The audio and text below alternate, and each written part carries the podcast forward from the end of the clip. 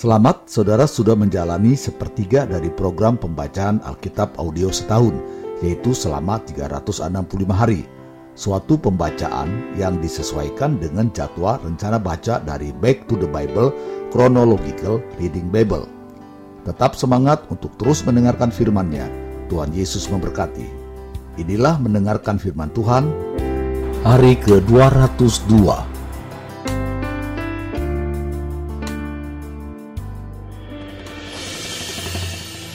Hosea pasal 8 ayat 1 sampai 14. Keruntuhan Israel sebagai akibat kedurhakaannya.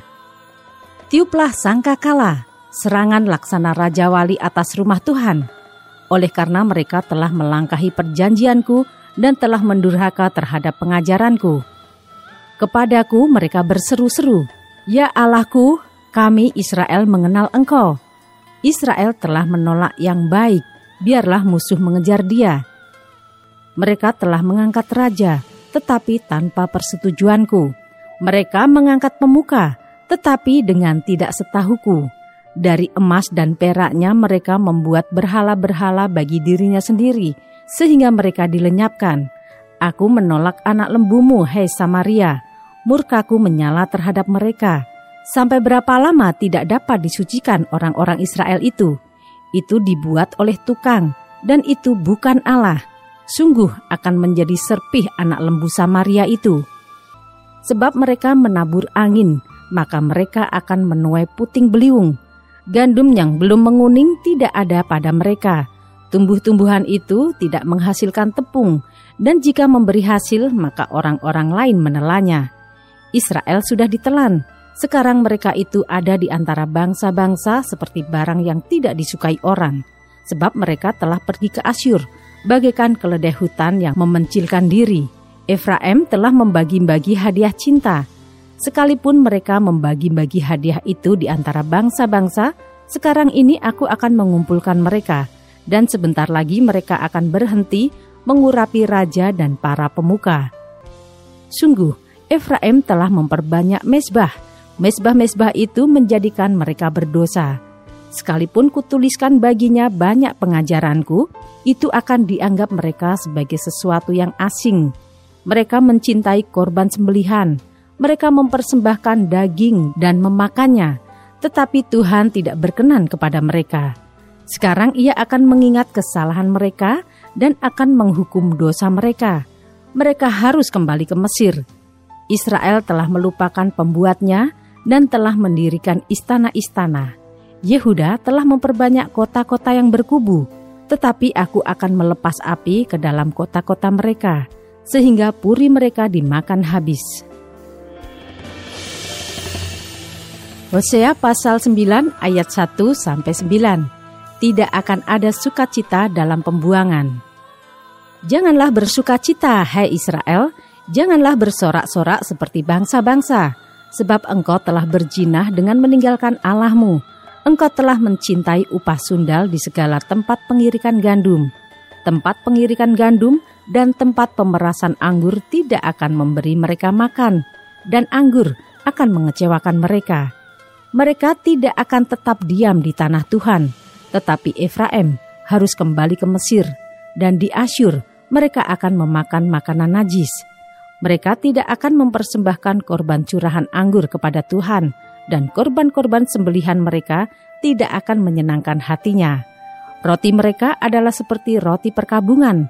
Semua orang yang memakannya akan menjadi najis, sebab roti mereka adalah untuk dirinya sendiri, tidak boleh dibawa ke dalam rumah Tuhan. Apakah yang hendak kamu perbuat pada waktu pertemuan raya dan pada waktu hari raya Tuhan?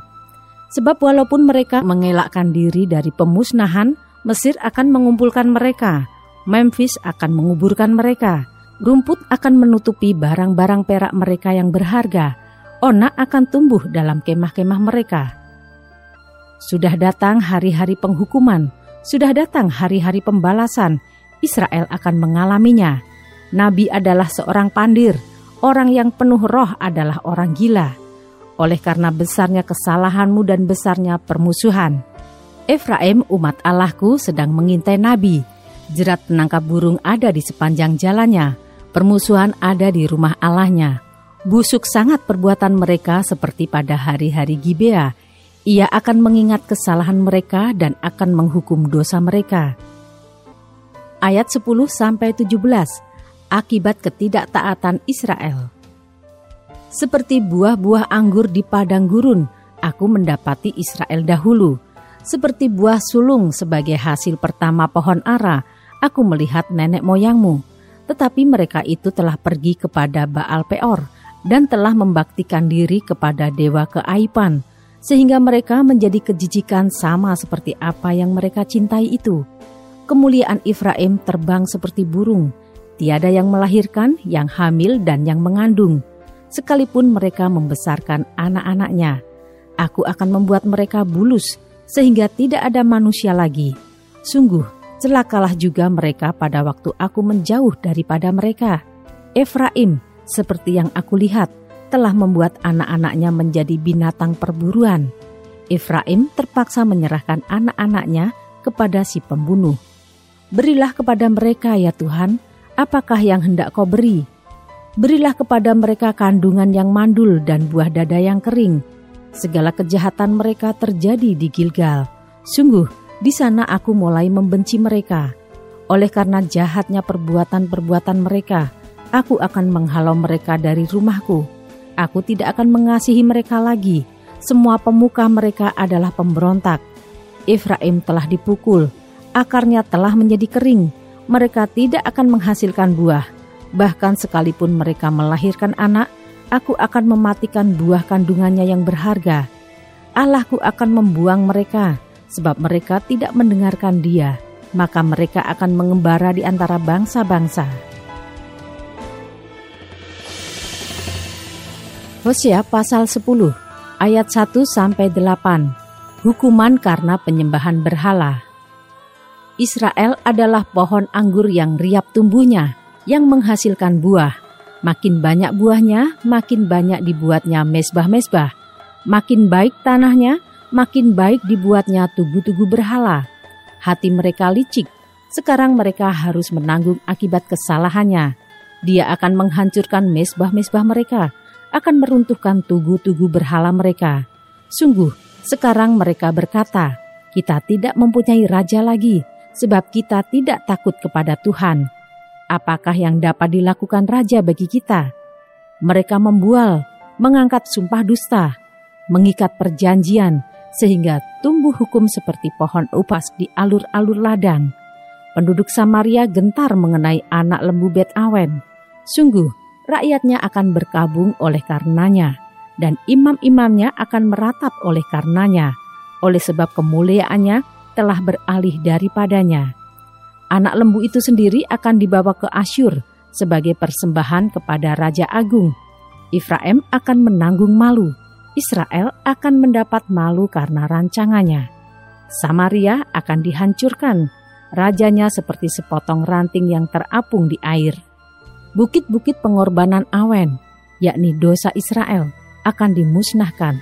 Semak duri dan rumpu duri akan tumbuh di atas mesbah-mesbahnya, dan mereka akan berkata kepada gunung-gunung, Timbunilah kami, dan kepada bukit-bukit, runtuhlah menimpa kami. Ayat 9 sampai 15. Tuhan kecewa terhadap Efraim. Sejak hari Gibea, engkau telah berdosa, hai Israel, di sana mereka bangkit melawan. Tidakkah perang melawan orang-orang curang akan mencapai mereka di Gibea? Aku telah datang untuk menghajar mereka. Bangsa-bangsa akan berkumpul melawan mereka apabila mereka dihajar karena salahnya yang berganda.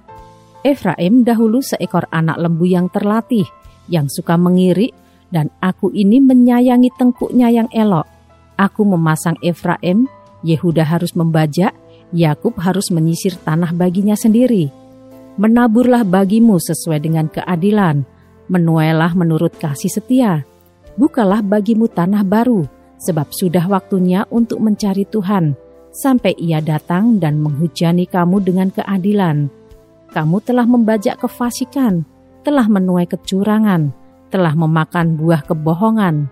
Oleh karena engkau telah mengandalkan diri pada keretamu, pada banyaknya pahlawan-pahlawanmu, maka keriuhan perang akan timbul di antara bangsamu dan segala kubumu akan dihancurkan seperti Salman menghancurkan Bet Arbel pada hari pertempuran. Ibu beserta anak-anak diremukkan. Demikianlah akan kulakukan kepadamu, hei kaum Israel, oleh karena dahsyatnya kejahatanmu. Pada waktu fajar akan dilenyapkan sama sekali Raja Israel. Hosea pasal 11 ayat 1 sampai 11. Kasih Tuhan mengalahkan kedegilan orang Israel. Ketika Israel masih muda, kukasihi dia, dan dari Mesir kupanggil anakku itu. Makin kupanggil mereka, makin pergi mereka itu dari hadapanku. Mereka mempersembahkan korban kepada para Baal dan membakar korban kepada patung-patung. Padahal akulah yang mengajar Efraim berjalan dan mengangkat mereka di tanganku. Tetapi mereka tidak mau insaf bahwa aku menyembuhkan mereka. Aku menarik mereka dengan tali kesetiaan, dengan ikatan kasih. Bagi mereka, aku seperti orang yang mengangkatku dari tulang rahang mereka. Aku membungkuk kepada mereka untuk memberi mereka makan. Mereka harus kembali ke tanah Mesir, dan Asyur akan menjadi raja mereka, sebab mereka menolak untuk bertobat. Pedang akan mengamuk di kota-kota mereka, akan memusnahkan palang-palang pintu mereka, dan akan memakan mereka di benteng-benteng mereka. Umatku betah dalam membelakangi aku. Mereka memanggil kepada Baal dan berhenti meninggikan namaku. Masakan aku membiarkan engkau, he Efraim, menyerahkan engkau, he Israel? Masakan aku membiarkan engkau seperti Atma, membuat engkau seperti Seboim? Hatiku berbalik dalam diriku, belas kasihanku bangkit serentak, Aku tidak akan melaksanakan murkaku yang bernyala-nyala itu, tidak akan membinasakan Efraim kembali, sebab aku ini Allah dan bukan manusia yang kudus di tengah-tengahmu, dan aku tidak datang untuk menghanguskan. Mereka akan mengikuti Tuhan, ia akan mengaum seperti singa. Sungguh, ia akan mengaum, maka anak-anak akan datang dengan gemetar dari barat, seperti burung dengan gemetar datang dari Mesir dan seperti merpati dari tanah Asyur. Lalu aku akan menempatkan mereka lagi di rumah-rumah mereka. Demikianlah firman Tuhan. Hosea pasal 12 ayat 1 sampai 15. Efraim dan Yakub bapa leluhurnya. Dengan kebohongan aku telah dikepung oleh Efraim, dengan tipu oleh kaum Israel, sedang Yehuda menghilang dari dekat Allah dari dekat yang maha kudus yang setia. Efraim menjaga angin dan mengejar angin timur sehari suntuk, memperbanyak dusta dan pemusnahan. Mereka mengadakan perjanjian dengan Asyur dan membawa minyak kepada Mesir. Tuhan mempunyai perbantahan dengan Yehuda. Ia akan menghukum Yakub sesuai dengan tingkah lakunya dan akan memberi balasan kepadanya sesuai dengan perbuatan-perbuatannya. Di dalam kandungan ia menipu saudaranya, dan dalam kegagahannya ia bergumul dengan Allah. Ia bergumul dengan malaikat dan menang. Ia menangis dan memohon belas kasihan kepadanya. Di Betel ia bertemu dengan dia dan di sanalah dia berfirman kepadanya, yakni Tuhan Allah semesta alam, Tuhan namanya. Engkau ini harus berbalik kepada Allahmu. Peliharalah kasih setia dan hukum, dan nantikanlah Allahmu senantiasa. Sama seperti Kanaan, dengan neraca palsu di tangannya dan suka memeras, berkatalah Efraim, Bukankah aku telah menjadi kaya, telah mendapat harta benda bagiku, tetapi segala hasil jerih payahku tidak mendatangkan kesalahan yang merupakan dosa bagiku. Tetapi aku adalah Tuhan Allahmu, sejak di tanah Mesir, aku masih mau membuat engkau diam kembali di kemah-kemah seperti di hari-hari pertemuan raya.' Aku berbicara kepada para nabi dan banyak kali memberi penglihatan dan memberi perumpamaan dengan perantaraan para nabi. Bila di Gilead ada kejahatan, maka mereka menjadi kesia-siaan belaka. Di Gilgal, mereka mempersembahkan lembu-lembu jantan, maka mesbah-mesbah mereka juga menjadi seperti timbunan batu di alur-alur ladang. Yakub melarikan diri ke tanah Aram, dan Israel memperhambakan diri untuk mendapat istri. Ya, untuk mendapat istri ia menjadi gembala. Israel dituntun oleh Tuhan keluar dari Mesir dengan perantaraan seorang nabi. Ya, ia dijaga oleh seorang nabi. Efraim telah menimbulkan sakit hatinya secara pahit, maka Tuhannya akan membiarkan hutang darahnya menimpa dia dan akan membalas celanya kepadanya. Hosea pasal 13 ayat 1 sampai 15. Murka Tuhan akan menimpa Efraim. Apabila Efraim berbicara, gemetarlah orang. Ia diangkat-angkat di Israel, tetapi ia bersalah dengan menyembah Baal, sehingga matilah ia. Sekarang pun mereka terus berdosa dan membuat baginya patung tuangan dari perak dan berhala-berhala sesuai dengan kecakapan mereka. Semuanya itu buatan tukang-tukang Persembahkanlah korban kepadanya, kata mereka. Baiklah manusia mencium anak-anak lembu. Sebab itu mereka akan seperti kabut pagi atau seperti embun yang hilang pagi-pagi benar. Seperti debu jerami yang diterbangkan badai dari tempat pengirikan atau seperti asap dari tingkap. Tetapi aku adalah Tuhan, Allahmu sejak di tanah Mesir. Engkau tidak mengenal Allah kecuali aku dan tidak ada juru selamat selain dari aku. Akulah yang mengenal engkau di padang gurun, di tanah yang gersang. Ketika mereka makan rumput, maka mereka kenyang. Setelah mereka kenyang, maka hati mereka meninggi. Itulah sebabnya mereka melupakan aku. Maka aku menjadi seperti singa bagi mereka. Seperti macan tutul aku mengintip-intip di pinggir jalan. Aku mau mendatangi mereka seperti beruang yang kehilangan anak Aku mau mengoyakkan dada mereka. Di sana aku memakan mereka seperti singa. Binatang liar di padang akan merobek mereka. Aku membinasakan engkau, he Israel. Siapakah yang dapat menolong engkau? Di mana gerangan rajamu, supaya diselamatkannya engkau, dan semua pemukamu, supaya diberinya engkau keadilan. Hei engkau yang berkata, berilah kepadaku seorang raja dan pemuka-pemuka Aku memberikan engkau seorang raja dalam murkaku dan mengambilnya dalam gemasku. Kesalahan Efraim dibungkus, dosanya disimpan. Sakit beranak mendahului kelahirannya, tetapi ia adalah seorang anak yang tidak bijaksana, sebab tidak pada waktunya ia bergerak. Bila waktunya tiba, ia tidak mau keluar dari kandungan ibu. Akan kubebaskan mereka dari kuasa dunia orang mati akan kutebuskah mereka daripada maut? Di manakah penyakit samparmu, hai maut? Di manakah tenaga pembinasamu, hai dunia orang mati? Mataku tertutup bagi belas kasihan. Sekalipun ia tumbuh subur di antara rumput-rumput, maka angin timur, angin Tuhan akan datang, bertiup dari padang gurun, mengeringkan sumber-sumbernya, dan merusakkan mata-mata airnya, dirampasnya harta benda, segala barang yang indah-indah.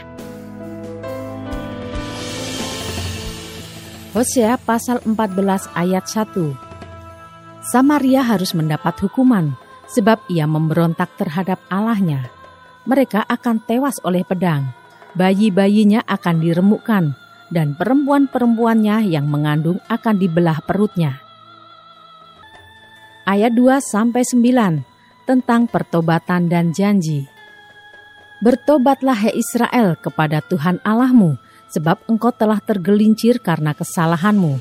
Bawalah sertamu kata-kata penyesalan, dan bertobatlah kepada Tuhan. Katakanlah kepadanya, ampunilah segala kesalahan, sehingga kami mendapat yang baik, maka kami akan mempersembahkan pengakuan kami. Asyur tidak dapat menyelamatkan kami, kami tidak mau mengendarai kuda, dan kami tidak akan berkata lagi, Ya Allah kami, kepada buatan tangan kami, karena Engkau menyayangi anak yatim. Aku akan memulihkan mereka dari penyelewengan. Aku akan mengasihi mereka dengan sukarela, sebab murkaku telah surut daripada mereka. Aku akan seperti embun bagi Israel, maka ia akan berbunga seperti bunga bakung dan akan menjulurkan akar-akarnya seperti pohon hawar. Ranting-rantingnya akan merambak, semaraknya akan seperti pohon jaitun dan berbau harum seperti yang di Libanon. Mereka akan kembali dan diam dalam naunganku dan tumbuh seperti gandum. Mereka akan berkembang seperti pohon anggur yang termasyur seperti anggur Libanon. Efraim apakah lagi sangkut pautku dengan berhala-berhala? Akulah yang menjawab dan memperhatikan engkau. Aku ini seperti pohon sanobar yang menghijau. Daripadaku engkau mendapat buah. Ayat 10. Penutup. Siapa yang bijaksana, biarlah ia memahami semuanya ini. Siapa yang paham, biarlah ia mengetahuinya. Sebab jalan-jalan Tuhan adalah lurus, dan orang benar menempuhnya, tetapi pemberontak tergelincir di situ. Tetap semangat, teruskanlah mendengarkan firman Tuhan. Sampai jumpa esok hari.